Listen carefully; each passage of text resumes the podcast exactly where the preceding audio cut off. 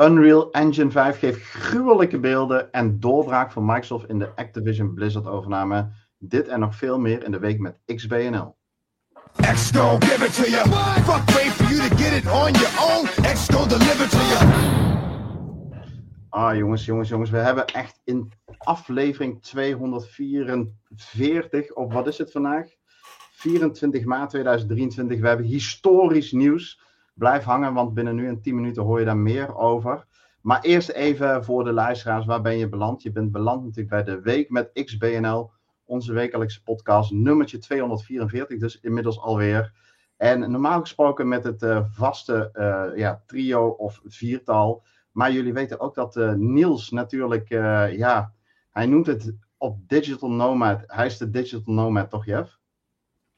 Niels, ja, ja zeker. Ja, ja zo... dat is hoe hij doet. Dus uh, hij zit in Japan. We zien al allerlei foto's voorbij komen. En filmpjes. Uh, komende 2,5 maand is hij er niet bij. Uh, toen dachten we, ja, hoe gaan we deze leegte opvullen? En we hebben veel vergaderingen gehad, Jeff. We hebben eigenlijk ieder... Selectierondes. Selectierondes. We hebben XBNL God's Talent hebben we gehad op de achtergrond.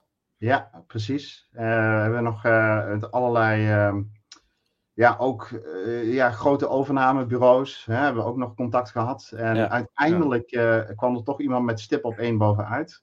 Ja. En uh, ja, Jeff, ik denk dat het is dat jij hem even aankondigt. Ja, zeker. Dat was eigenlijk dat was Frits Hendriksen. Maar die heeft bedankt. Dus, en ja, er waren nog tien kandidaten. Die heb ik allemaal bedankt. Dus ja, uiteindelijk kwamen we met deze man op de proppen. En dat, is, dat is Domingo Vrij. Welkom, jongen. Ja, dankjewel, dankjewel. Heel fijn ook om te horen dat ik, uh, terwijl ik dacht dat de eerste keuze was, dat ik ergens elfde ben geëindigd. Maar uh, dankjewel Jeffrey. Ja.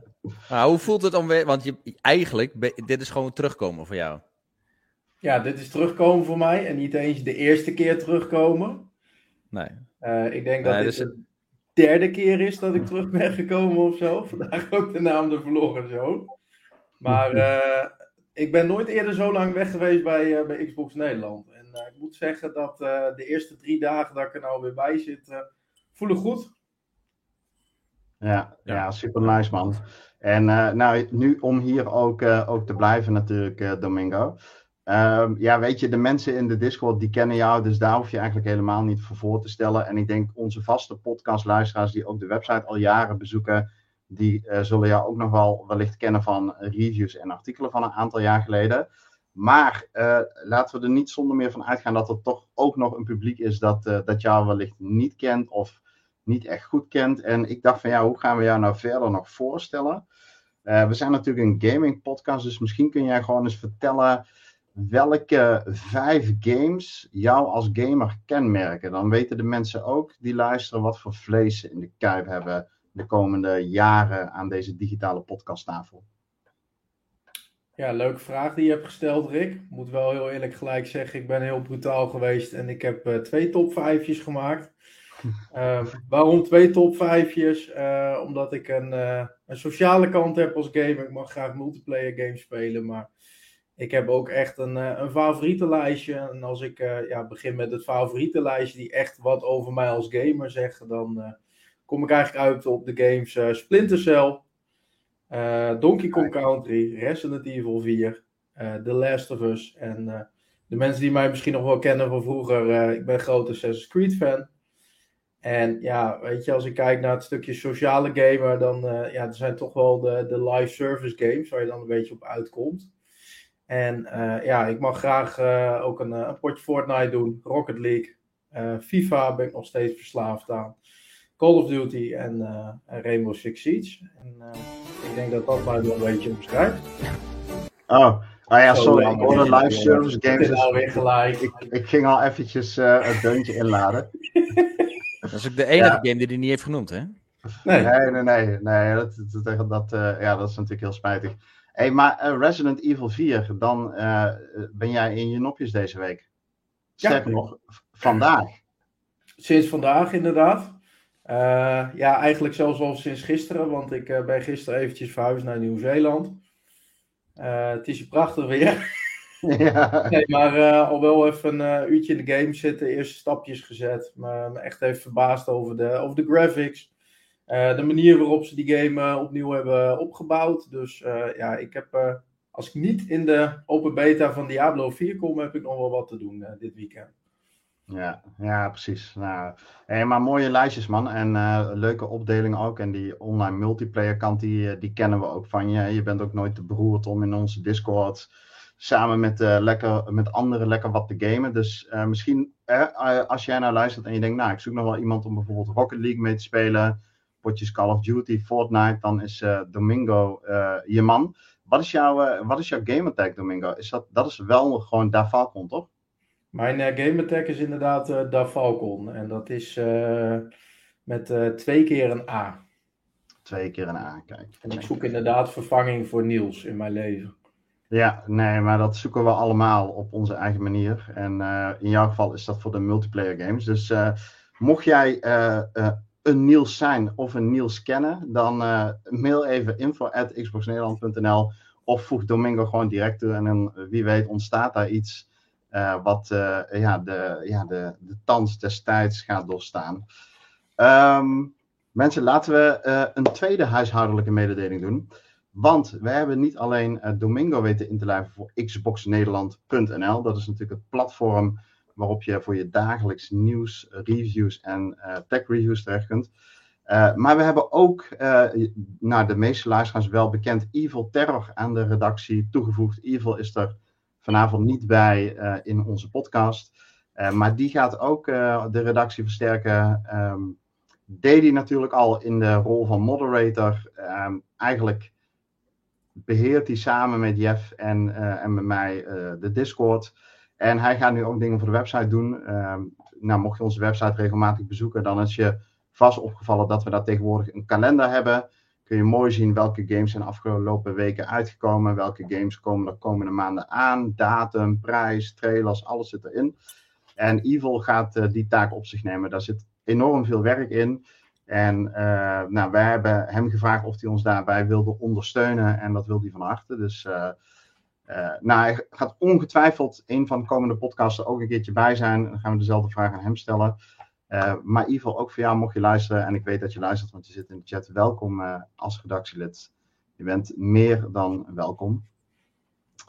Um, dat voor wat betreft de huishoudelijke mededelingen. Uh, we hebben een aantal nieuwstopics vandaag om te bespreken. Een aantal grote nieuwstopics. Een aantal ja, nieuwstopics die in de geschiedenisboeken zullen gaan staan. En we hebben een aantal gewoon wat kleinere topics. Nieuwe games die aangekondigd zijn. Er is wat Lego nieuws. Er is wat nieuws over Redfall. Er zijn wat geruchten over High on Life.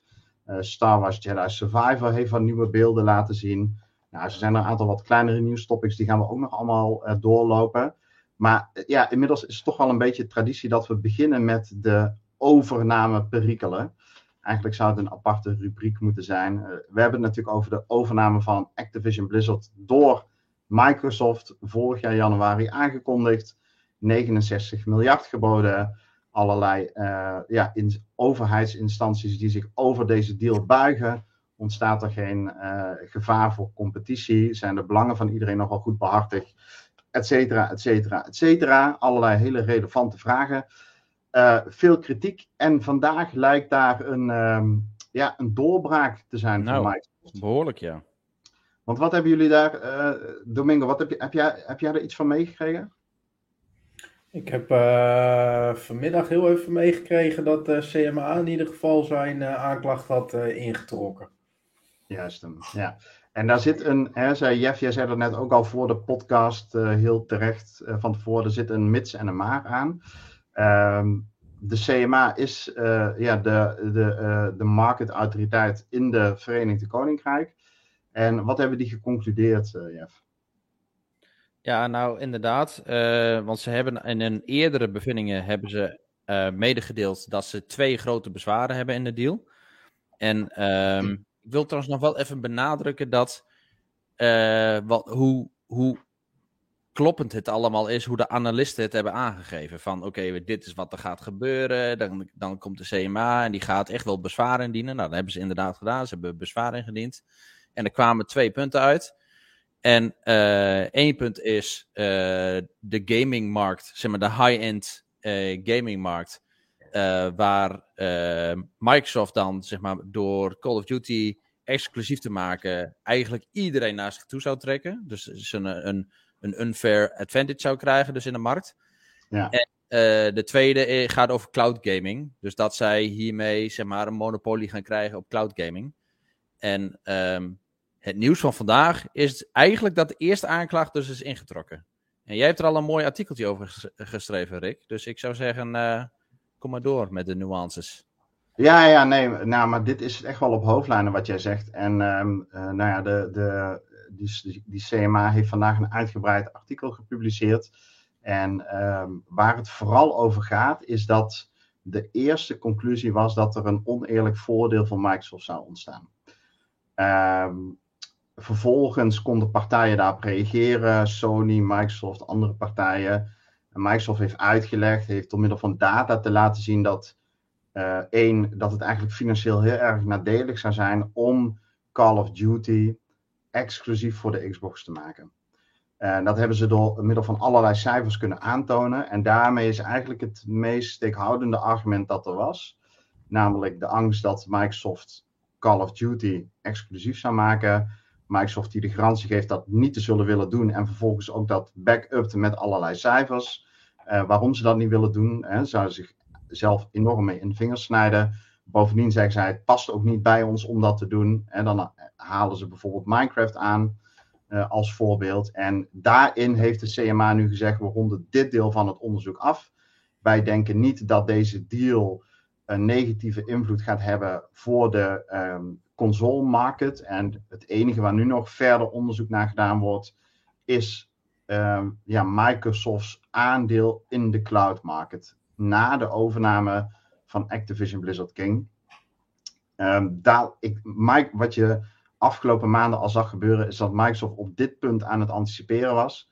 Uh, jij noemde het al even, volgens mij in onze Discord Domingo, of misschien was het Dimas, weet ik even niet meer zeker.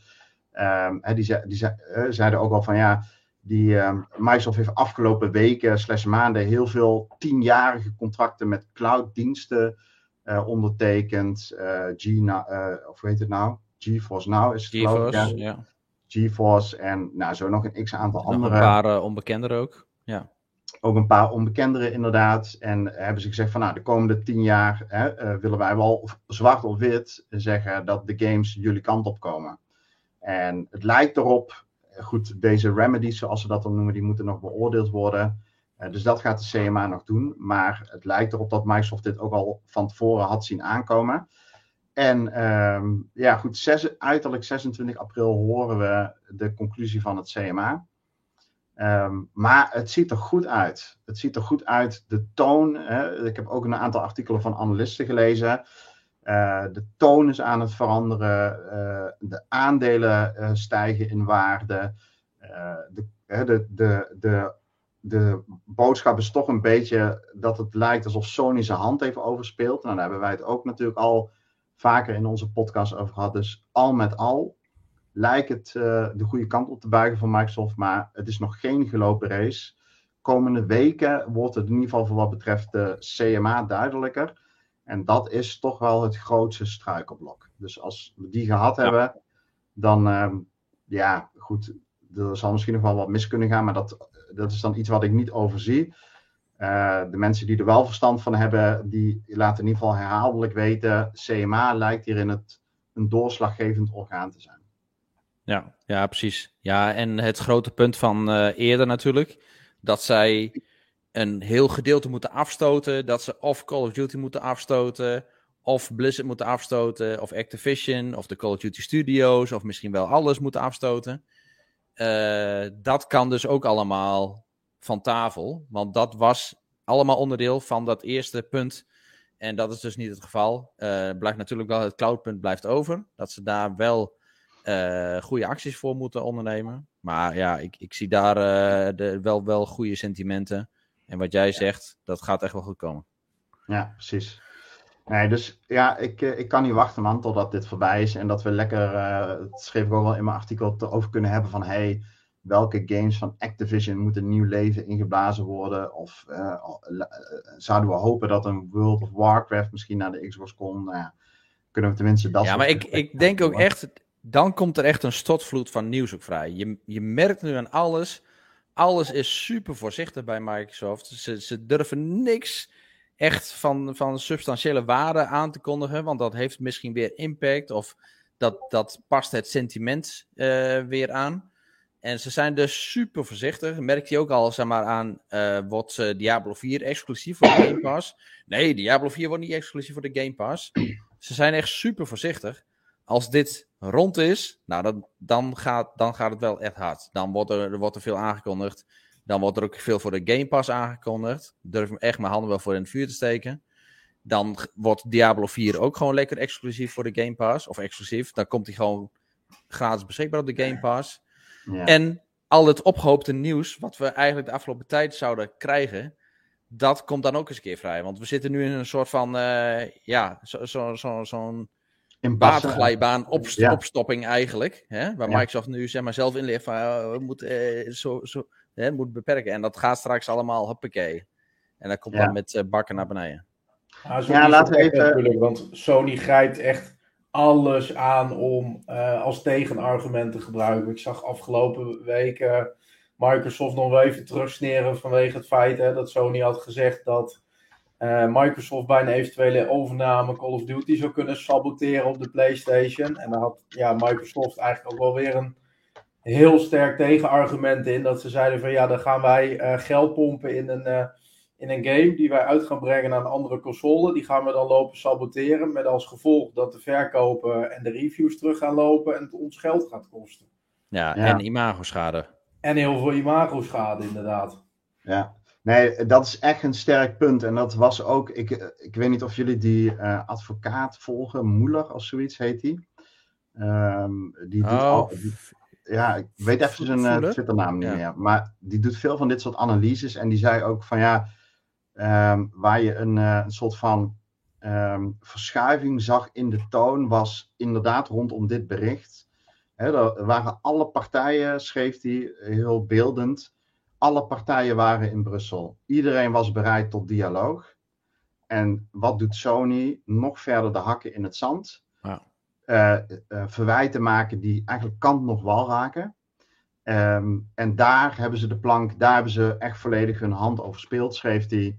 Uh, want daarmee hebben ze eigenlijk ja, de, ook de CMA wat nog wel meer tegen zich in het harnas gejaagd. Hoewel ja, de feiten spreken verder voor zich. Maar ja, hè, um, in plaats van de dialoog aangaan, kozen zij de weg van de weerstand. En dan ook nog met bizarre verwijten.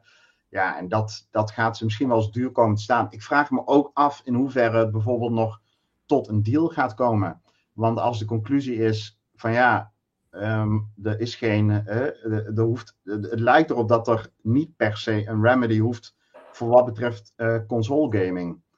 Um, en op basis van de conclusie dat, uh, dat Microsoft veel verlies zal leiden. En de vraag is, ja, zou Microsoft bereid zijn om verlies te leiden om, om, om in de long run, zeg maar, um, juist meer winst te pakken?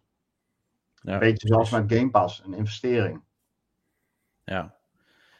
Ja, nee, inderdaad. Goed. We hadden een vraag in de chat gezet. Uh, komt Diablo 4 uh, direct in de Game Pass, ja of nee? En de chat is unaniem. Dimas zegt ja, Peter zegt ja. alleen de vraag is wanneer. Dennis zegt ja. Evil zegt uiteindelijk wel. Jeff, ja of nee? als de deal voor juni rond is, komt hij dan nog in juni in de Game Pass? Ja, dat denk ik wel, ja. Ja? Domingo? Ja. Ja, hetzelfde. Alright, check. Oké, okay, nou jongens, um, genoeg voor wat betreft weer het uh, CMA-nieuws en alle uh, overnameperikelen. Uh, volgende week krijgt ongetwijfeld een vervolg. Voor nu laten we het even erbij en gaan we door naar een tweede topic. En dat is dat je wellicht deze week ja, gehoord of gezien hebt dat de GDC was. Zeg ik het zo goed, Jeff? Ja? Ja, GDC. Okay. Ja. Die drie letters en al die, ik ken al die beurzen niet. En uh, af en toe zijn mijn uitspraken natuurlijk ook niet. Uh, de Game Developers Conference. De, de, Oké, okay, nou, Developers Conference, hartstikke goed. Um, en een van de, um, ja, ja, hoe moet je het zeggen? Is, het een bedrijf? Een, nou ja, in ieder geval Epic was er met hun Unreal 5 engine om toch eens even aan de wereld te laten zien van hey, waar staan we nu? Dus in de Unreal 5 of in de Unreal engines, daarin worden games ontwikkeld al tig jaar. En de Unreal Engine 5 is de nieuwste variant, waar we volgens mij, naar mijn weten, nog geen game in de Unreal 5 hebben zien draaien. Of... Zeker wel, Fortnite. Wel, Fortnite. Ja, ja Fortnite uh, sinds uh, vorige seizoen draait al op Unreal Engine 5. Dat is ook hun grote, uh, ja, hun, hun zandbak eigenlijk, waar ze een beetje mee spelen. En um, we hebben dus Unreal Engine 5 al een poos op het vizier. Al vanaf de eerste dagen dat we Hellblade 2 zagen, wisten we al van dit wordt de volgende generatie van Unreal Engine. En toen zaten we nog midden in de Unreal Engine 4 fase. En uh, ja, nu zie je dus echt wel de eerste Unreal Engine 5 games verschijnen. En um, ja, in de tussentijd werken ze wel lekker door. Dus het is een super populaire engine. Gewoon omdat het voor ontwikkelaars heel makkelijk te gebruiken is. Maar omdat het heel veel. Nou ja, het, is, het ziet er natuurlijk fantastisch uit. Maar het ja. neemt heel veel uh, moeite bij ontwikkelaars uit handen. Dus het wordt gewoon makkelijk om games te uh, developen op deze manier. Mm -hmm. En uh, ja, we zagen dus versie 5 al eerder met Lumen en Nanite. En hoe die hele belichting zeg maar op een mooie manier verschijnt. Um, in de vorige versie zagen we ook de eerste improvements met 5.1. Dus dat, dat het ook qua performance gewoon goed draait. Um, nou, daar is Fortnite ook op uitgebracht. En Um, we hebben nu, net deze week, hebben we dus 5.2, versie 5.2 gezien. En daar zitten ook weer een paar leuke improvements in. En een daarvan is dat um, de natuurlijke wereld er gewoon helemaal uitziet. Dus alles met uh, bomen, planten, alles wat groen is, zeg maar. Uh, dat ze dat hebben aangepakt. Fotorealistisch noemen ze het zelf. Nou, ik denk dat het wel redelijk klopt. En uh, een ander punt wat ze ook hebben aangepakt is het hele ontwerpen van levels. Dus het wordt makkelijker voor ontwikkelaars. Ik zal hem even doorspoelen, dan kun je het ook zien op video. Uh, het wordt makkelijker voor ontwikkelaars om gewoon grote elementen in de wereld te plaatsen. En uh, die elementen die zorgen ervoor dat het ook op een natuurlijke manier plaatst in de wereld. Dus wat je ziet in het filmpje is dat er een grote rotsblok wordt geplaatst. En automatisch met bomen, overhanging op de juiste hoogte, wordt het ook goed afgestemd met, nou ja, uh, eigenlijk alle nabije natuur. Uh, en daar wordt iets in gegenereerd, wat uh, helemaal voor je wordt gedaan. Dus dat is super mooi. En een ander ding is dat hele terreinen, dus hele grote lands landschappen, automatisch gegenereerd kunnen worden. En dat is dus ook zo'n ding wat het voor ontwikkelaars een stuk makkelijker maakt om een hele, hele uh, wereld te ontwerpen. Is uh, dat ze maar een klein stukje nou ja, maatwerk hoeven te maken in zo'n wereld. En van de rest kunnen zeggen van uh, oké, okay, we willen dit, dit zijn de parameters. En genereer maar een hele wereld van 5 bij 5 uh, kilometer voor me. En ja. alles wordt voor je geregeld. Nee, maar ik, ik hoor erin twee dingen eigenlijk terug. Um, voor mij als leek. Um, dus voor de ontwikkelaars gebruiksvriendelijker. Vele malen gebruiksvriendelijker, ja. als ik jou zo hoor. Ja. En um, voor ons als uh, ja, games die in zo'n wereld opgaan, vele malen realistischer. Ja, ja dus het, ziet er nou, het zag er al prachtig uit natuurlijk. Unreal Engine 5. En met deze update hebben ze dus ook erg moeite gestoken in het hele groen van de hele game.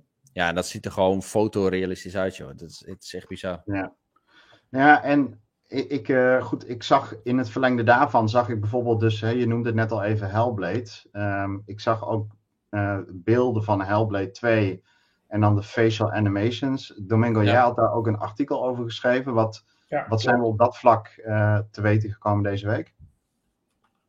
Uh, ja, wat Jeffrey net eigenlijk al zegt, eigenlijk elk artikel wat ik op dit moment lees over die nieuwe Unreal uh, Engine gaat over gebruiksgemak. Um, dat was ook het eerste waar ze bij uh, Hellblade 2 over hadden. Hè, dat het gebruiksvriendelijker is en dat ze sneller resultaat kunnen maken met ja, eigenlijk echt fotorealistische beelden. ja, en ik denk dat wat je hier ziet al, al genoeg ziet, dat je, of zegt dat je geen, bijna geen verschil meer ziet tussen wat is nou een game en wat is werkelijkheid. Ja, wat is een film of... ja. ja. ja. Ja, nee, Hellblade 2, dit wordt een showcase van je welste. Uh, we weten natuurlijk nog steeds niet wanneer deze game van Ninja Theory uit gaat komen.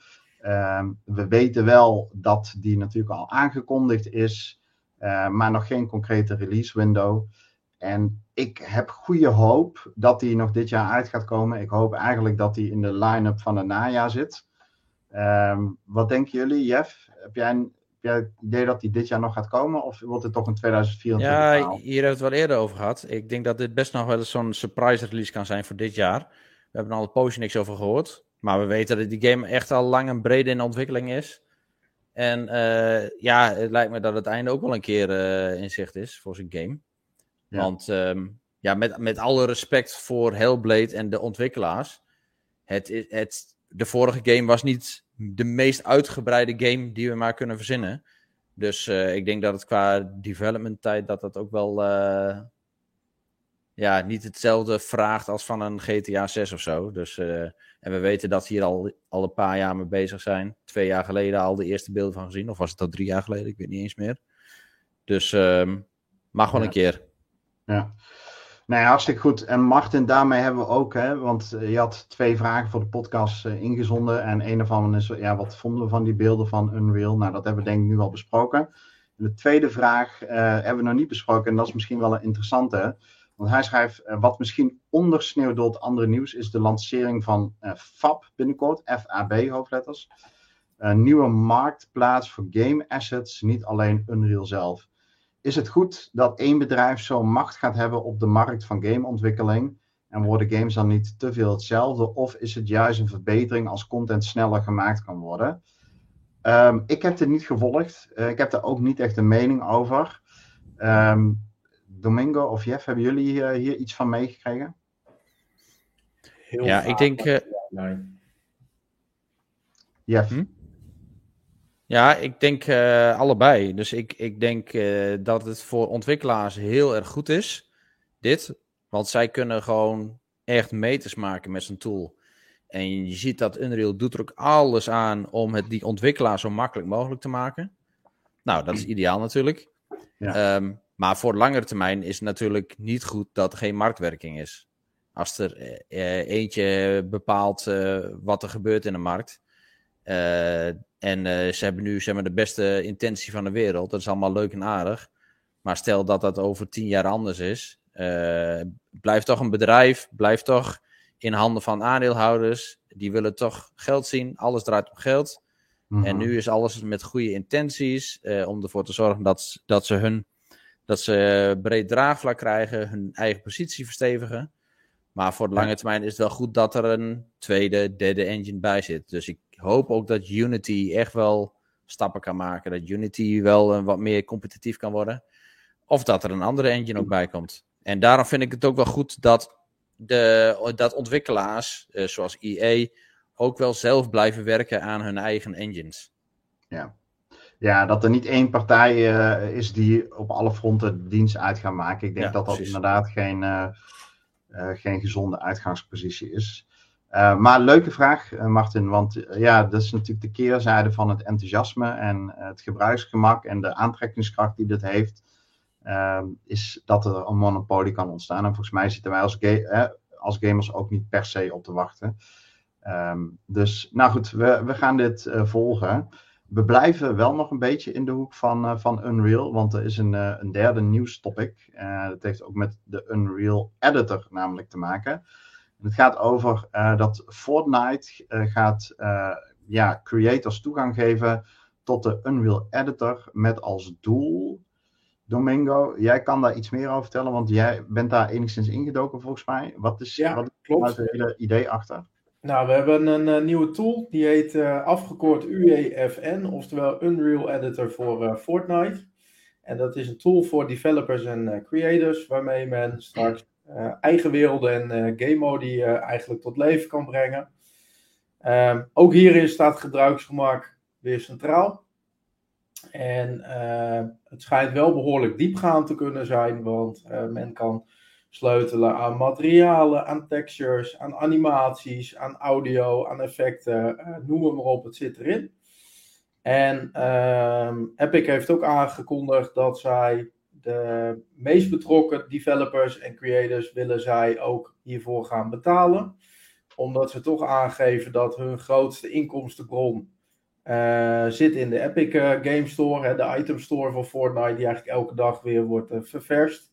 En 40% van de inkomsten die zij hieruit halen zijn toch te danken aan developers en creators.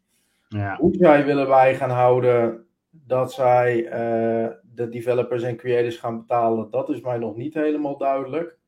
Maar ja, weet je, als je een leuke game mode weet te verzinnen, dan uh, kun je dus aan verdienen als je zou willen. Maar ja, goed, ik weet niet of, of je dat ergens hebt kunnen terugvinden. Maar bijvoorbeeld in Forza Horizon 5 heb je natuurlijk die, dat je je eigen blueprints kunt maken. Nou weet ik niet of ik de goede term gebruik trouwens wel, maar dat je in ieder geval je eigen races kon maken. Heb je weliswaar niet dat je een, een heel nieuw landschap creëert of wat dan ook, maar je kon wel iets maken in die wereld Ehm, dat kon je opslaan, dat genereerde je een code en dan konden anderen dat gaan, uh, ja, die konden dan jouw bedachte race gaan, uh, gaan rijden. Uh, dus dat was ook eigenlijk al een vorm van content creation. Hoe moet ik me dat hierbij voorstellen? Ik bedoel, krijg je gewoon een, een wit vlak en kun je gaan bouwen, kun je een berg neerzetten, een, een riviertje, een huisje en daar een spelmode rondomheen bedenken. Hoe, hoe concreet wordt dit?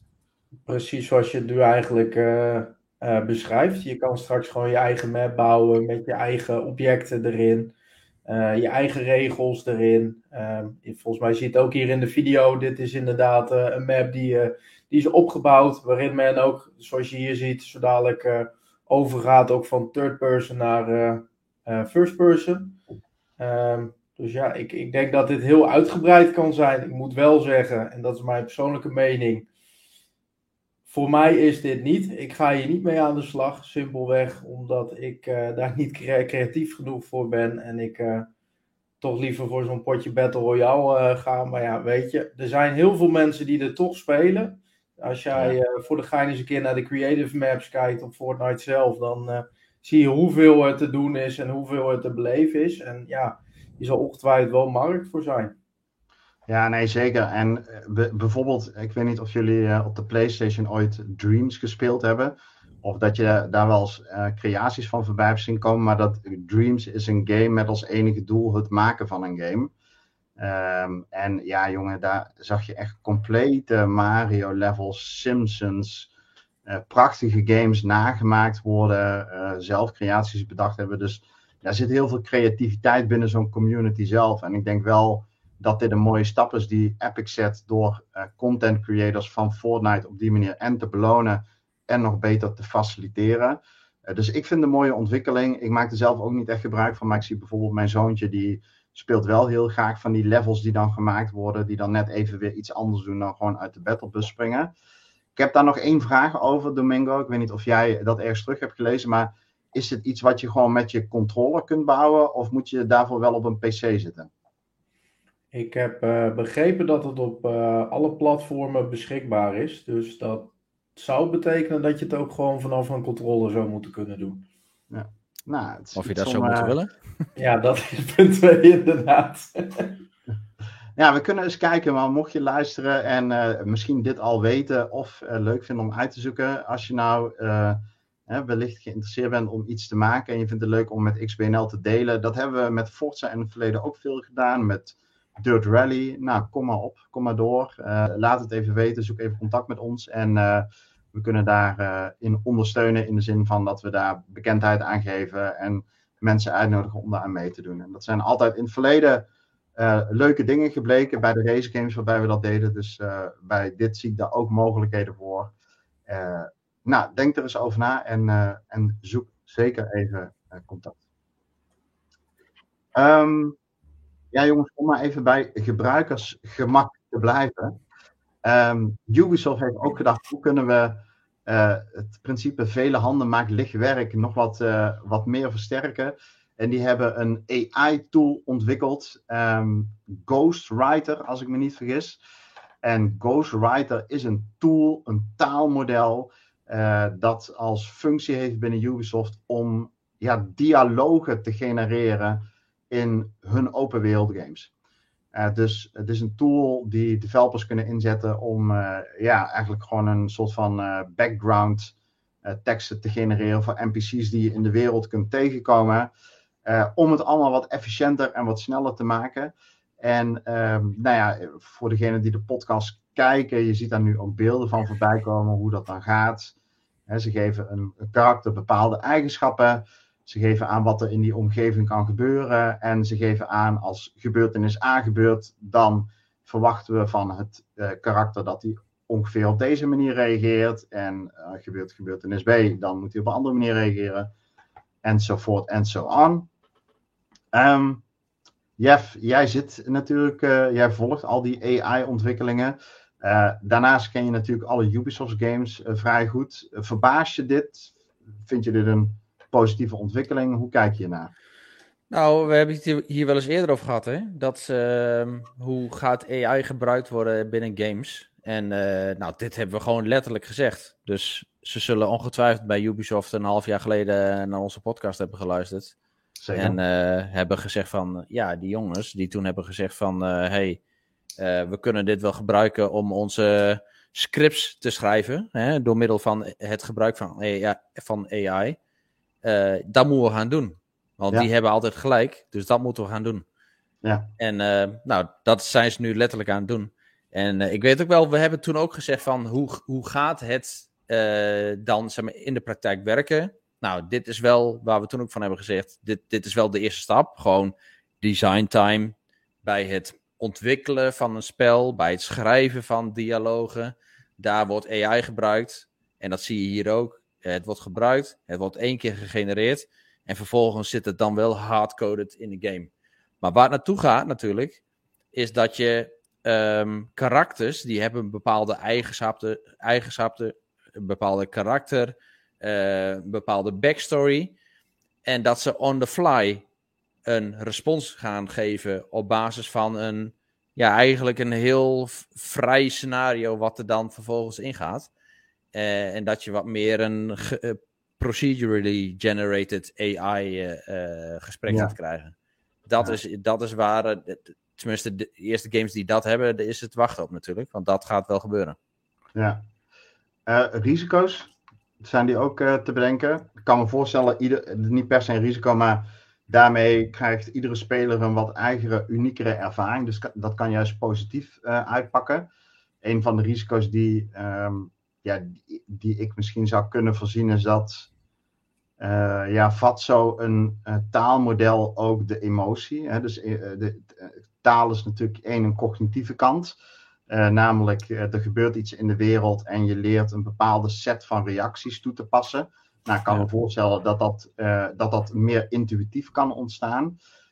maar dan daarnaast heb je natuurlijk gewoon een soort van vibe en gevoel, zeg maar, wat je ook in taal overdraagt. En wat zich misschien wat minder in, in standaard regels laat vatten. Um, zou dat nog een risico kunnen zijn?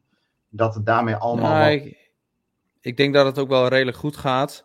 Uh, maar wanneer je het hebt over risico's, dan denk ik al gauw aan uh, dat zo'n AI helemaal de weg kwijt is. Of toch dingen zeg maar, in het gesprek brengt wat totaal niet de bedoeling is. Of wat helemaal uit context is. Um, daar, daar zie ik wat meer risico in. Al met de nieuwe modellen vanaf GPT-3 en straks helemaal met GPT-4 is het eigenlijk zo goed in te kaderen. Kun je zo goed een context meegeven dat je altijd echt wel een betekenisvolle, creatieve reactie terugkrijgt. Uh, dus dat, dat, uh, dat gaat wel gebeuren. Ja, ja, daar heb ik wel vertrouwen in. Ja. ja. Ik heb hier trouwens even chat GPT erbij gepakt. Ja. Dus ik kan uh, wel wat dingen laten zien hier. Dus misschien wel aardig als wij bijvoorbeeld gaan zeggen tegen ChatGPT van you are an NPC in a video game with the following characteristics. Nou, verzin eens even wat. Uh, nou ja, we willen natuurlijk dat hij uh, uh, charismatisch is. Dus dat is één. Um, with a little bit of humor, zou ik zeggen. En wat vind je nog meer? Humorous. Wat Domingo? Het is een echte held. De hero, ja. Hij heeft een hekel aan Sea of Thieves. En Picnic die zegt, oh, maar Picnic zegt in de chat, het moet wel een piraat zijn. Oké. Uh, uh, wacht even, ja. dan is het... Is het pirate? It's a pirate, ja. En uh, mis je nog iets eigenaardigs of zo? Landbouwen-lover, zegt Demos. Heeft een spraakgebrek of zo? Zoiets? Ja, hij heeft een, een, een, een, een Canadees accent. Wacht even. Has a speech impediment. Imp impairment. Uh, Ja, voor, als je naar de podcast luistert, dan denk je misschien wat gebeurt er. Maar wat we in beeld nu hebben, is uh, de ChatGPT. Uh, Jeff die geeft een aantal commando's. En we gaan eens kijken wat, daar, uh, wat eruit komt. Um, Jeff, wat heb je nou als laatste variabel toegevoegd? Ja, dus hij heeft een speech impediment en hij kan niet de letter M zeggen. Zoiets. Hij kan hem geen uh, tik meegeven? Dat hij nog een tik heeft of zo? Nou, ask you. Uh, oh, uh, kijken dat, dat hij een, uh, een quest voor ons verzint. Ja, verzin een quest. Nou, give us a quest. Oké? Ja, go for it. Oké. Okay. matey. Lees even voor, Jeff, en, en uh, uh, probeer even in het karakter te zijn. Ja, dat wordt voor, mij heel erg, voor mij heel erg lastig. R, matey, ye be speaking to Captain Sparrow, the most charismatic and humorous pirate you'll ever meet. I may have a speech impediment and can't say the letter M, but that doesn't stop me from being a hero on the high seas. I have a quest for ye, me hardly. I've received word that a rival pirate crew has stolen my treasure map, which leads to a valuable booty. I need ye to infiltrate their ship and steal back me map. But beware, they won't give up. They won't give it up easily. They've got a crew of hardened scallywags and even some mystical creatures guarding their loot. You'll need to be smart and cunning to outwit them. If you succeed in getting me map back, I'll reward ye with the share of the treasure. If not, well, let's just say that me parrot will have a new perch to sit on. Ar. dat is toch geweldig dit? ja. Het klinkt al diepgaander dan de gemiddelde Ubisoft game. Dus op zich... Ja, ja of, of Sea of Thieves. Hey, ho, ho, ho. Oh. nou, oké, okay, vooruit dan, vooruit. Ja. Oké. Okay. Nee, nou ja, het is wel hilarisch. Ja, ik kan me voorstellen als je daar een um, model voor bedenkt, gewoon als Ubisoft zijnde, en dan ook alle kennis en input van Ubisoft daarin kunt verwerken, dat je hier echt wel uh, efficiënter en uh, ja, efficiënt mee zou kunnen werken als, uh, als ontwikkelaar. Um, ja, leuk man. Laten we dit ja. nog eens een keer doen in de podcast. Wat heb je, wat heb je nu ingevoerd? Ja, dus ik heb, ik heb, ik heb nu gevraagd, what name should I give my sloop? En dan, nou, hij begint het heel verhaal natuurlijk. De uh, Black Kraken, de Wobbly Seagull. The choice is yours. Choose a name. Ja, dat is, dat is toch mooi zo? Of niet? Ja, fantastisch. fantastisch. Ja. Goed, uh, we gaan uh, door naar onze volgende rubriek, mensen. En dat is de nieuws in uh, ongeveer twee minuutjes. Ik ga me er niet op vastpinnen. Um, Jeff, een leuk nieuwtje in deze categorie. Eldering die heeft een uh, raytracing update gekregen. Werkt niet heel goed overigens. Um, heb even gecheckt en ook nagevraagd in onze Discord. Framerate instabiel van rond de 30. Dus dat speelt eigenlijk niet zo lekker. Maar de beelden zien er dan wel heel mooi uit. Dus daar kun je het mee doen. En um, in diezelfde categorie heeft Cyberpunk a Path Traced Visuals toegevoegd. Ik denk is dat niet gewoon ook raytracing of is dat dan weer net even een andere technologie? Path Traced Visuals, Jeff? Uh, ja, dat is een vorm van raytracing, wat eigenlijk nog geavanceerder is. Dus okay. uh, Path Traced is, is echt, uh, ja, en je ziet dat dat wel een hele heftige impact heeft op de performance. En je ziet het ook nog niet bij hele geavanceerde games. dus het is vooral nog een beetje ja, leuke spielerij voor, een mod op uh, Doom, zag ik het bijvoorbeeld. Mm -hmm. Maar um, dat is wel de meest natuurgetrouwe visuals zoals je die hebt. Dus gewoon, die gaat nog één stap verder dan raytracing. Oké, oké. Nou ja, Cyberpunk zou het toegevoegd hebben, of gaat het toevoegen? Dat heb ik dan even niet helemaal scherp. Dus ja, ik ben benieuwd hoe dat eruit uit komt te zien. Overigens nog een leuk weetje over Eldering. Um, de game is nu een jaar uit, hè jongens. Weet je hoeveel uh, keer er gamers gesneuveld zijn in de game? Uh, miljoenen keer. Ik denk miljoenen keer. Ja, wat zei jij, Domingo? Biljoen. Biljoen. 9 miljard. Meer dan het aantal mensen op deze aardkloot is in een, een jaar tijd gesneuveld in Elden Ring. Um, nou, op 20 miljoen verkochte exemplaren. Dus als we eens uitgaan van 20 miljoen spelers, dan is iedere speler gemiddeld genomen 450 keer dood gegaan om op 9 miljard, uh, eh, 9 miljard te komen. Dus uh, ja, doe met deze informatie wat je wil, zou ik zeggen. Goed, volgend uh, nieuwstopic Sea of Thieves heeft een documentaire uitgebracht, Voyage of a Lifetime. Die documentaire kun je ook kijken op xboxnederland.nl. Als je dan zoekt in de zoekbalk naar Voyage of a Lifetime, dan popt die op. 75 minuten pure piraterij. En een hele leuke en ook deels emotionele terugblik op vijf jaar Sea of Thieves. Uh, de perikelen rondom de lancering, wat dat gedaan heeft met de ontwikkelaars en hoe ze zich herpakt hebben. Hele mooie, mooi in beeld gebracht. Dus uh, de liefhebbers die. Uh, heb je iets te doen? Komend weekend kun je even lekker met de popcorn kijken van. hey, hoe is dat nou eigenlijk allemaal gegaan daarbij Rare? Um, derde nieuwstopic, een leuk nieuwstopic. Eentje waar ik heel enthousiast voor word en ik gok jullie ook. Dat is dat 2K en Lego de handen ineengeslagen hebben. Namelijk dat er een, ik zal maar gewoon even in Nederlands doen, Lego 2K Drive game komt. Een open wereld Lego race game met als release datum al 19 mei 2023. En ik heb daar beelden van gezien. Domingo, heb jij daar beelden van gezien? Nee, ik heb ze helaas even gemist, uh, deze. Jeff, de aankondiging heb ik wel gezien. Je hebt de aankondiging wel gezien. Jeff, je hebt de beelden gezien van, uh, van deze Lego? Ja, ziet er wel leuk uit, maar ik, ik weet het niet. Uh, het ziet er nog niet echt uit als een, een fijne racegame of zo. Ik denk dat het heel cool is dat je alles kunt maken. Dus dit is natuurlijk waar je als Lego-liefhebber uh, op wacht. En niet, dat is niet dus die Forza patch en dan gewoon dat je met een kant-en-klaar Lego autootje kunt racen. Maar dat je hele Lego auto, mobiel, gewoon helemaal zelf kunt maken met, met steentjes. Ja. Uh, dit is natuurlijk wat je wil. Alleen qua racen is het misschien niet uh, de lekkerste engine. Als ik dat een beetje zo zie. Ja, dat, dat moeten we zien. Maar de eerste indrukken, want er zijn wat hands-on mee geweest, die zijn juist wel heel positief. Ook op dat vlak. Okay. Ja, ik, kijk, I hate to say it, Jeff, maar dit wordt de Forza killer. Dus dit, dit, maar ik kan geen Forza killer zijn. Want er ja. is geen cijfer boven de 10. Ja, oké, nou misschien moeten we die schaal dan iets gaan. Ja, nee, goed, nee, ik weet niet of, we of een Forza killer wordt, maar um, ja, ik, ik, goed, je kan nu als podcastluisteraar de beelden niet zien, maar wat je ziet is een hele grote open wereld. Typisch alles is van Lego, felle kleuren, uh, tig verschillende autootjes die je dan zelf kunt customizen.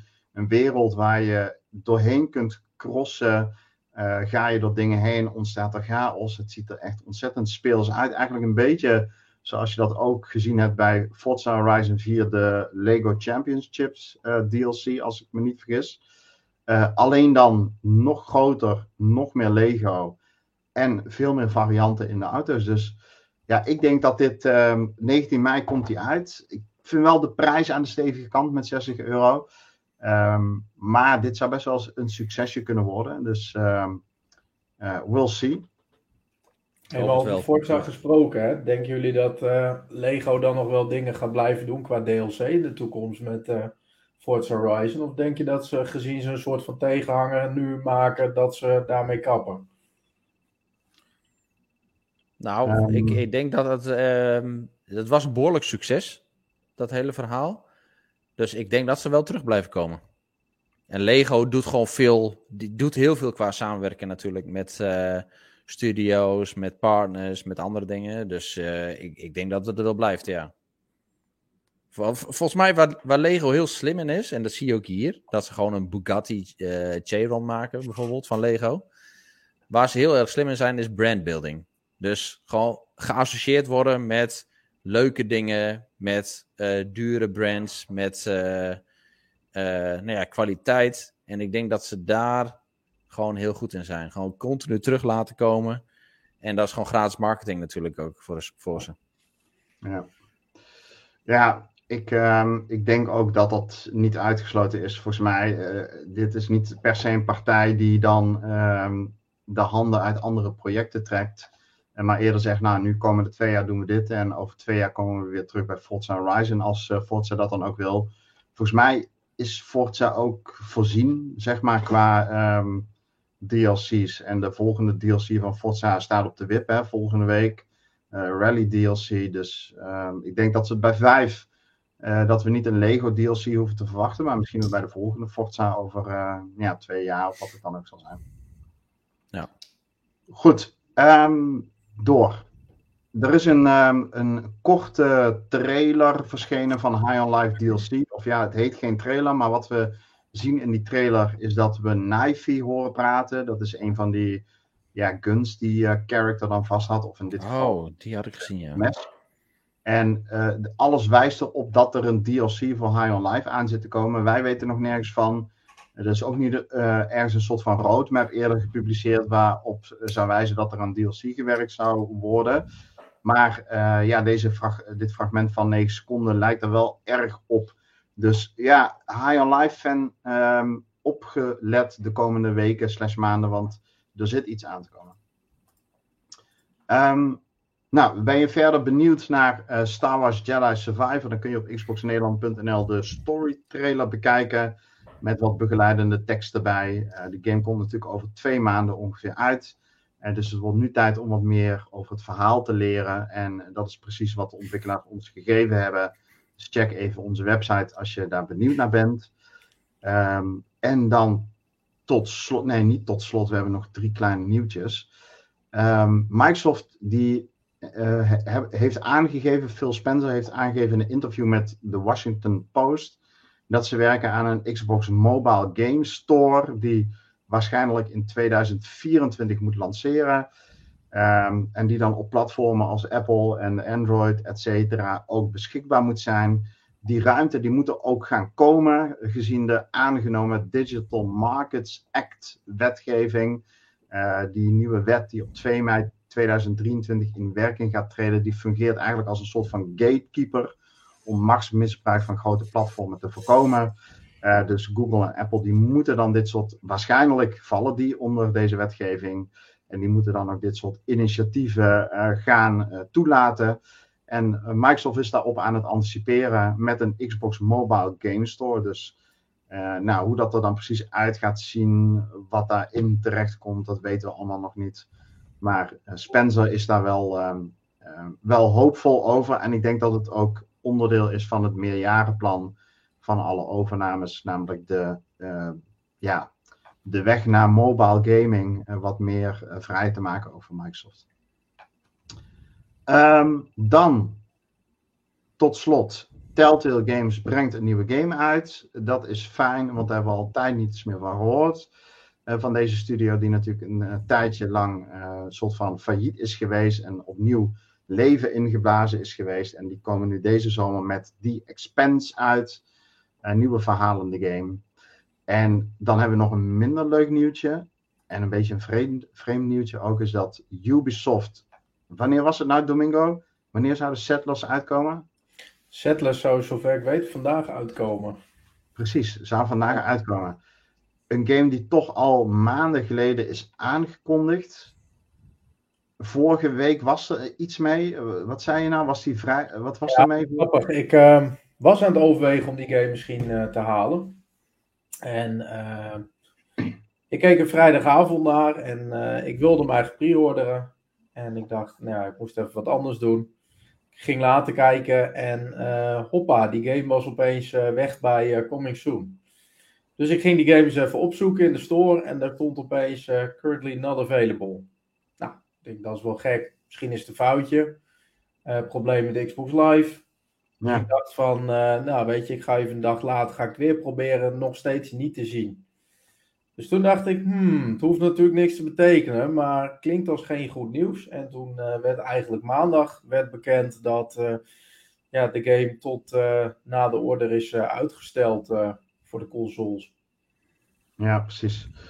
Ja, dus dat is geen goed teken. In de chat zegt Martin ook van ja, die reviews, kennelijk zijn er al reviews van gepubliceerd, die heb ik dan nog niet gezien die zijn ook niet best. Hij zegt, Settlers komt een maand later. Dat nieuws heb ik uh, gemist. Maar dan zal het misschien nog wel meevallen. Hoewel, ja, dan is het misschien een beetje bijschaven van wat performance problemen en dat soort dingen.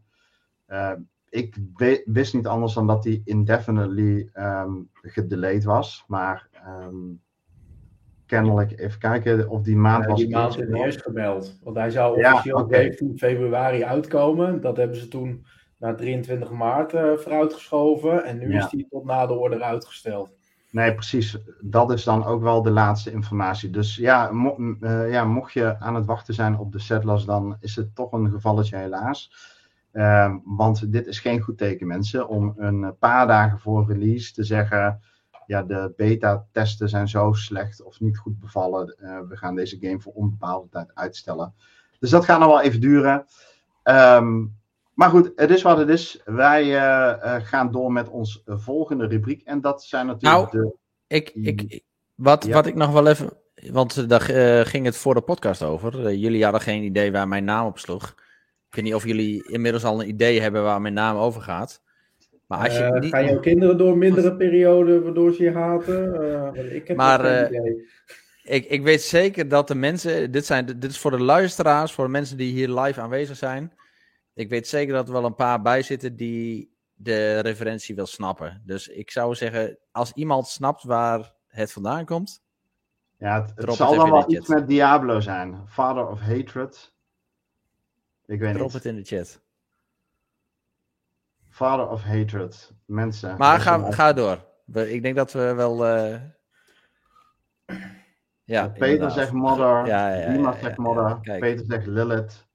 Ja. Wat is het? Is het een of andere clan in Diablo waar je dan opgehoofd van bent of zo? Nee, dit is de, de nieuwe, um, de grote eindbaas in Diablo. Dat is Lilith. En Lilith is de daughter of hatred, is dat.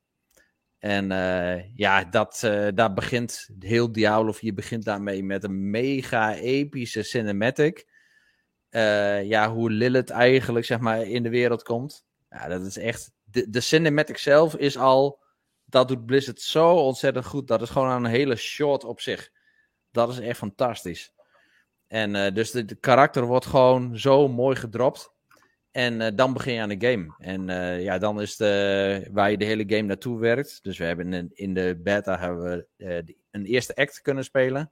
Maar waar je de hele tijd naartoe werkt, is dat je dus naar die Lilith en Lilith moet gaan verslaan. En Lilith is dan de daughter of hatred. Oké, okay, nice. Is dat de dame die we in dat laadscherm steeds zien? Die beetje schaars geklede dame?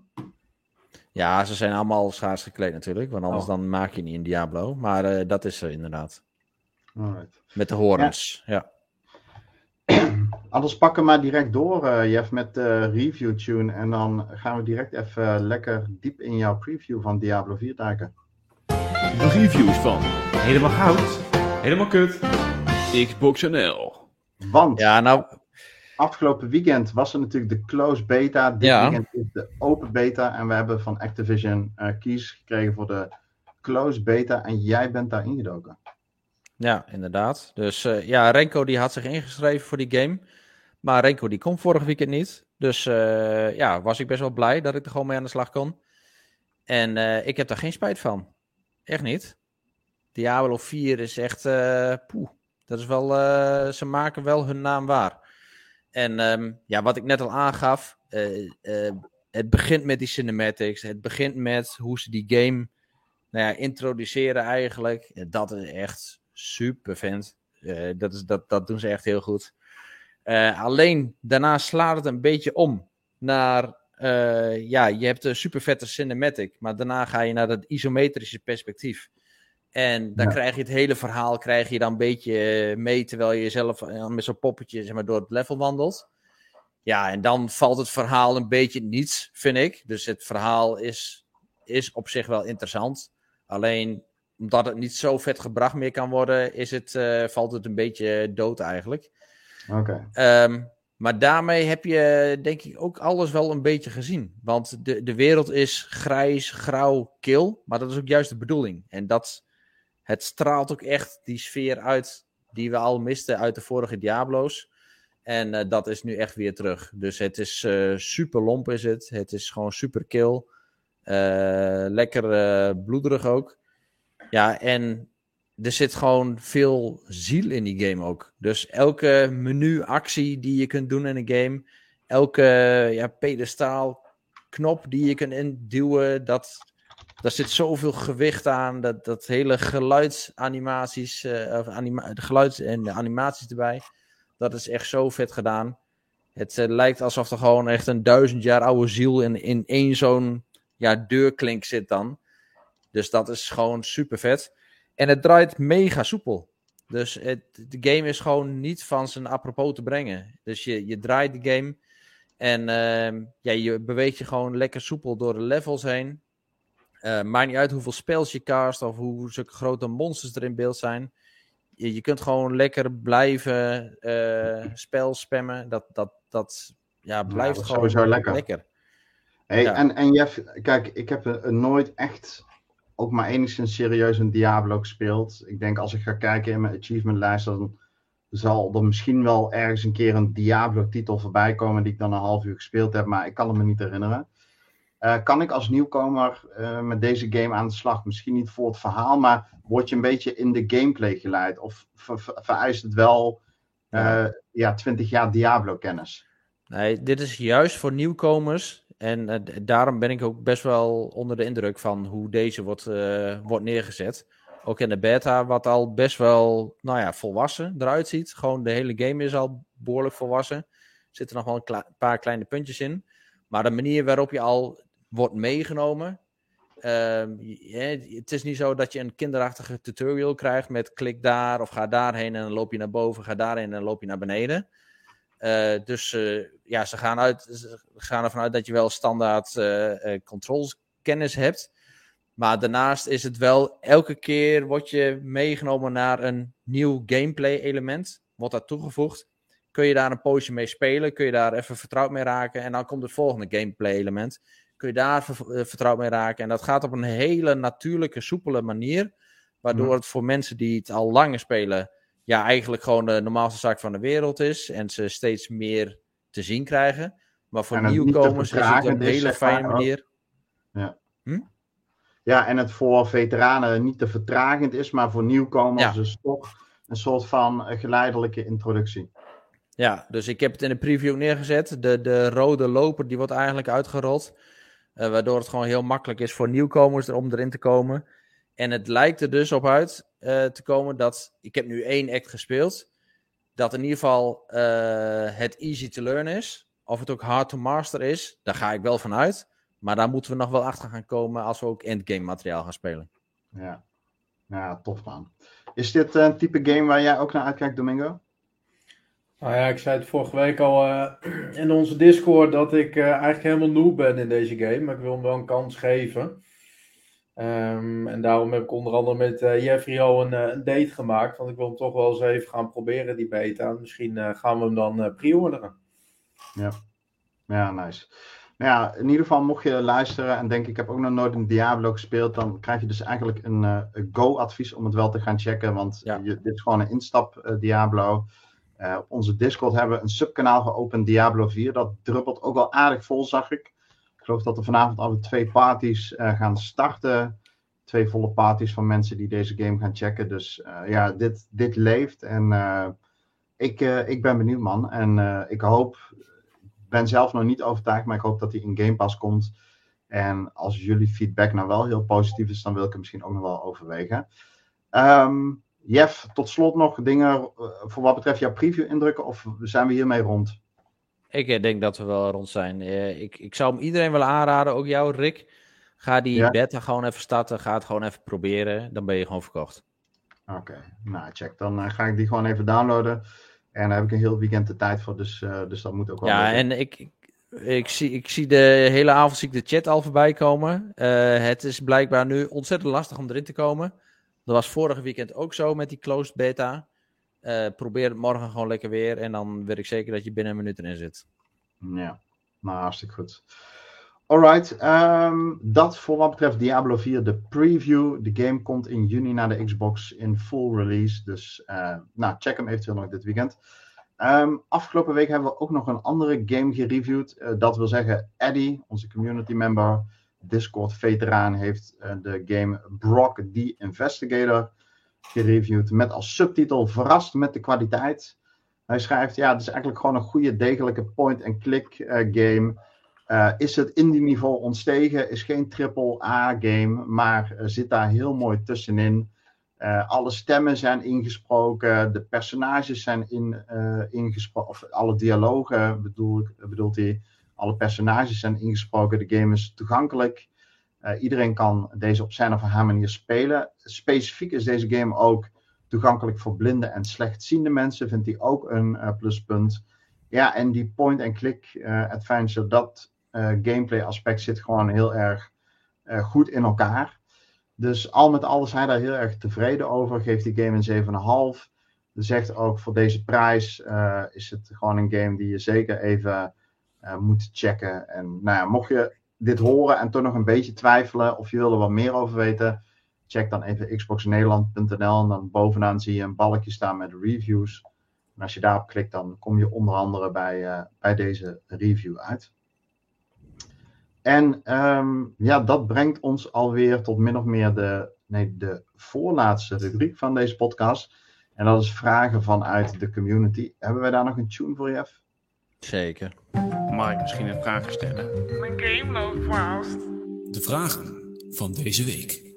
Yes. En we hadden een aantal vragen ingezonden gekregen, waaronder een aantal van Martin die we al behandeld hebben. En dan blijft er nog eentje over, Jeff. En die is ook aan jou gericht. Aangezien oh. Domingo oh. en ik daar helemaal niks mee hebben.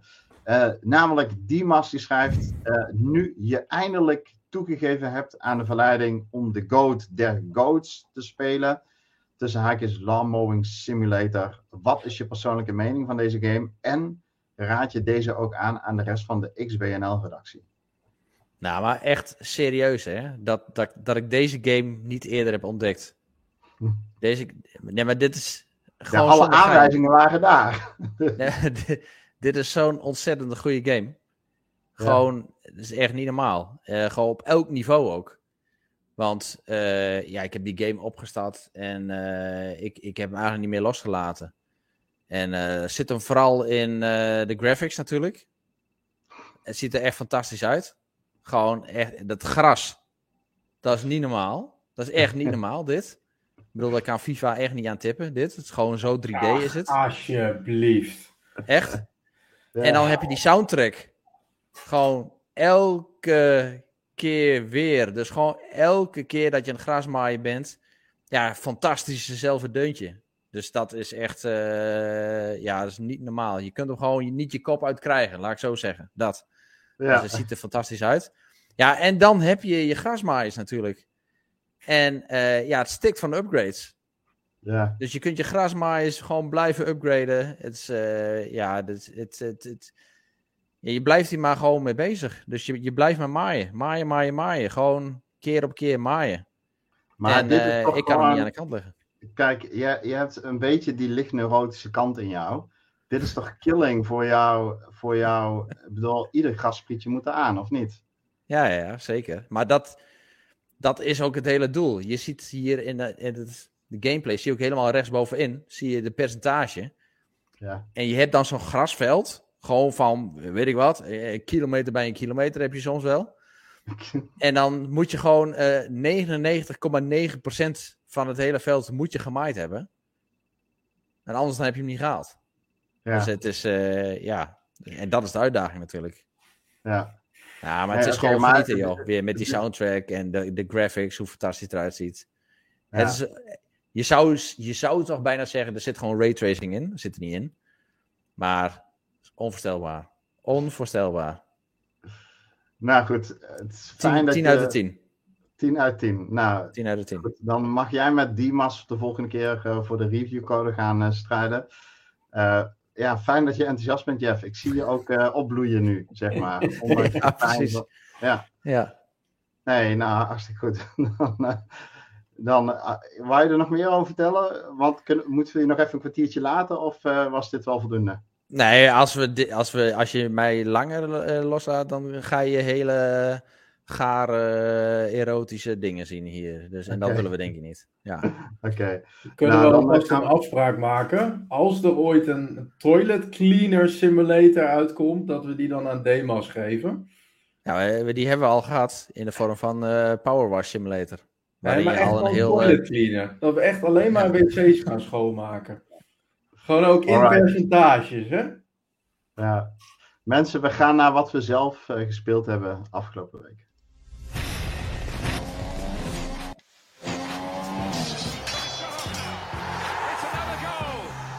Oké, Jeff, waag het om nu met eh Marloing door te gaan. wat heb je gespeeld, eh, Jeff? Ik heb ook geprobeerd eh Wolong te doen. En eh, dat hoor je goed. Ik heb het geprobeerd. Ik eh, ben bij de eerste baas gekomen. En eh, de moed zakte mij inderdaad in de schoenen. Dus dat is gelukt. Dus ik heb de game aan de kant gelegd. En eh, dat was dat. En toen dacht ik een dag later van... Ja, kan toch niet zo zijn dat ik hem daarop laat liggen. Ik ga het gewoon proberen. Doorgezet. Ik ben ook weer... ik heb je tips gelezen. Ik ben weer terug level in gegaan. Ik heb zo'n moraal boost gehaald. Ik ben ongeveer op level eh 3, 4 met al die dingen en zo. Ben ik het weer opnieuw gaan doen. Maar ik krijg het gewoon niet van elkaar. En toen dacht ik, eh, nou als ik zoveel tijd eh, moet verspillen aan een game, dan ga ik wel allemaal weer Simulator doen. ja, ja, is jammer. Ja, ik heb ook in mijn review geschreven dat ik die keuze ook niet goed begrijp van die ontwikkelaars. Eh, want ja, de- deze, deze eerste basis buiten proportioneel moeilijk. Wat daarna volgt zijn gewoon bosses die beter te doen zijn, die ook leuk kunnen zijn. Ja, het is jammer dat je daarmee gewoon spelers kwijtraakt. Die, eh, ik bedoel, waarschijnlijk als je nog vijf uur probeert, haal hem natuurlijk wel. Eh, maar ja, weet je, daar heb je ook geen zin in. Want ja, ik bedoel, game is ook eh, natuurlijk gewoon een vorm van ontspanning. Dus ja, ik, ik snap die keuze echt niet. En ik snap jouw keuze wel. Ja, jammer, jammer man. Dus, maar Nee, maar dat denk ik ook. Ik denk ook dat ik er wel redelijk tegenaan zit. Want ik heb hem wel een paar keer op het, zeg maar, die helft gehad. Maar toen wist ik nog niet dat je die andere skill kon inzetten. En dat je Ja. hem dan in principe hebt gehaald. Eh, dus eh, als ik het nog een paar keer doe, dan, dan moet dat ook op zich ook wel lukken. Maar dan denk je van ja, en dan ben ik één stap verder. En dan, eh, ja, dan hik ik straks weer tegen een, een volgende baas ergens aan. En eh, ja. ik weet niet. ja, moet wel leuk blijven. Misschien gewoon niet helemaal mijn ding. Ja. Nou, nou goed, dat kan me- prima. En heb je nog meer gespeeld, behalve Wolong en? Ehm, nou, volgens mij eh, laat ik het eerst maar even hierbij. Ja. Alright. Eh, Domingo, met de ziel onder je arm heb jij deze week van je co-op buddy afscheid genomen, hè? Ja, Eh, dus, behalve, eh, ja, dus behalve naar de wodkafles gegrepen, heb jij, ben je aan gamen toegekomen. Ja, ik ben zeker wel een game naartoe gekomen. Ik ben eh, eh, de zondag heb ik eigenlijk doorgebracht met eh, de review van eh The Rack. Die we afgelopen week ook op de website hebben gehad. Oh, fuck, ja. Sorry. Eh, helemaal vergeten. dat was mijn zondagmiddag ook. Was vier uurtjes eh, spelen. Eh, en van de rest, ja, is het eigenlijk een beetje Rocket League geweest. Ik heb gisteren nog even Fortnite gedaan met eh, onder andere Jo Janneke en eh JSNL. En eh, ja, voor dit weekend staat er dan eigenlijk de open beta van Diablo en eh, natuurlijk meer Resident Evil 4 eh, op de planning. Ja, lekker man. Hey, en ik, eh, de rec, eh, we zijn hem heel, ik ben hem helemaal vergeten in de planning mee te nemen. Van, maar die heb jij natuurlijk gereviewd voor XBNL. Ja. En eh, ja, goed, zonder nu nog een, een review van 10 minuten te gaan bespreken. Maar de conclusie was dat je niet al te erg tevreden was, volgens mij. Nee, klopt. De game begon best wel leuk als een verhalende game met interessante ja, interactieopties. Alleen, eh, ja, wat ik zeg, je speelt hem in vier uur uit en hij gaat al heel snel over in een constante herhaling van dezelfde dingen doen. En doet dat wel op zo'n dusdanig agressieve manier dat het eh, ja, gewoon ten koste gaat van de gameplay, om het even kort en krachtig eh, te houden. Ja. Oh ja, en sorry, ik heb ook nog naast met Jo Janneke en JSNL gisteren ook Fortnite gedaan met Curious Moves, mijn vrouw. Die was ik even vergeten. Kijk. Kan zijn dat dit ook gelijk mijn laatste podcast wordt. nou, dan waren het drie goede dagen, Domingo. Zo is dat. ja, oké. Alright. Ehm, ja, ik heb zelf, ehm, ik had vorige week al volgens mij de review van Wolong besproken. Ehm, ik had de game toen nog niet uitgespeeld. Dat heb ik inmiddels wel. Ik ben er nog tot en met dinsdag mee bezig geweest. En daar heb ik nu ook echt al ieder hoekje en gaatje van de game ge, uh, ja, gezien. Alle 31 uh, hoofdbosses voor de achievement verslagen. Alle werelden en alle battlefields uh, gekleerd. Dus um, ik heb daar echt wel van genoten. Um, ja, ik vind nogmaals, zoals nu, hè, waar we net ook over hadden, sommige bazen zijn gewoon buitenproportioneel moeilijk. En daar zit ook geen logica in, voor mijn gevoel. Dus het is een game die echt draait om de eindbazen. Dat zei ik vorige week al. Uh, maar daarin ontbreekt het wel een beetje uh, aan logica, een logische opbouw qua moeilijkheid. En ja, verliezen de ontwikkelaars zichzelf op sommige momenten wel een beetje in, in die moeilijkheidsgraad. En met name dus in die eerste bos. Maar al met al heb ik er wel heel erg, ja, heel erg van genoten. Heb ik er plezier van gehad. En vond ik het gewoon heel erg lekker, vooral om te spelen. Goede combat. En ja, wat ik wel vaker dan naar dit type games heb, is dat ik dan zo'n soort uh, zwart gat ervaar. Dat ik niet meer weet wat ik dan nu wel moet spelen. En alles wat ik dan oppak, ja, na een kwartier wegleg, omdat ik het saai vind. Of gewoon, ja, gewoon met het niet toe kan zetten. Dus in die modus zit ik nog een beetje. Tot uh, gisteren, toen mijn vriendin zei: Hey, we hadden de eerste vijf films van Harry Potter gekeken. Um, uh, kunnen we niet Hogwarts Legacy eens opzetten op haar account, uh, op Xbox-account? Daar heb ik de eerste twee uur met haar meegekeken. En toen dacht ik: Oké, okay, ik heb nou wel weer zin om een game op te pakken. Dus ik ga lekker dit weekend Hogwarts Legacy spelen. En dan hoop ik volgende week te vertellen dat ik net zo enthousiast als alle anderen ben. Nice. Wel, zo'n beetje. Ja. En daarmee zitten wij ook alweer op een uur en een kwartier, of een uur en tien minuten. Dus we gaan podcast 244 naar de eindstreep brengen zonder Niels, mensen. Het is gelukt. Het was niet makkelijk. Um, maar uh, met doorzetten kom je kennelijk een heel eind. En um, daarmee hebben wij en jullie natuurlijk dan ook een hele mooie achievement verdiend.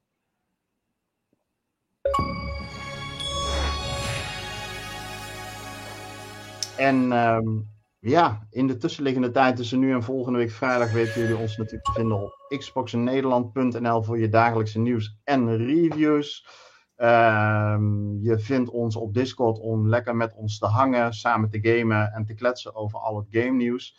En voor onze hot takes weet je ons natuurlijk op uh, social media en met name Twitter te vinden. Voor nu, um, nou Domingo, fijn dat je er weer bij was. Op vele ja. jaren zou ik zeggen. Dankjewel, gaan we doen. En uh, nou ja, dan zien we jullie en horen we jullie volgende week weer. Jeff, jij ook bedankt en tot volgende week. Joe, later.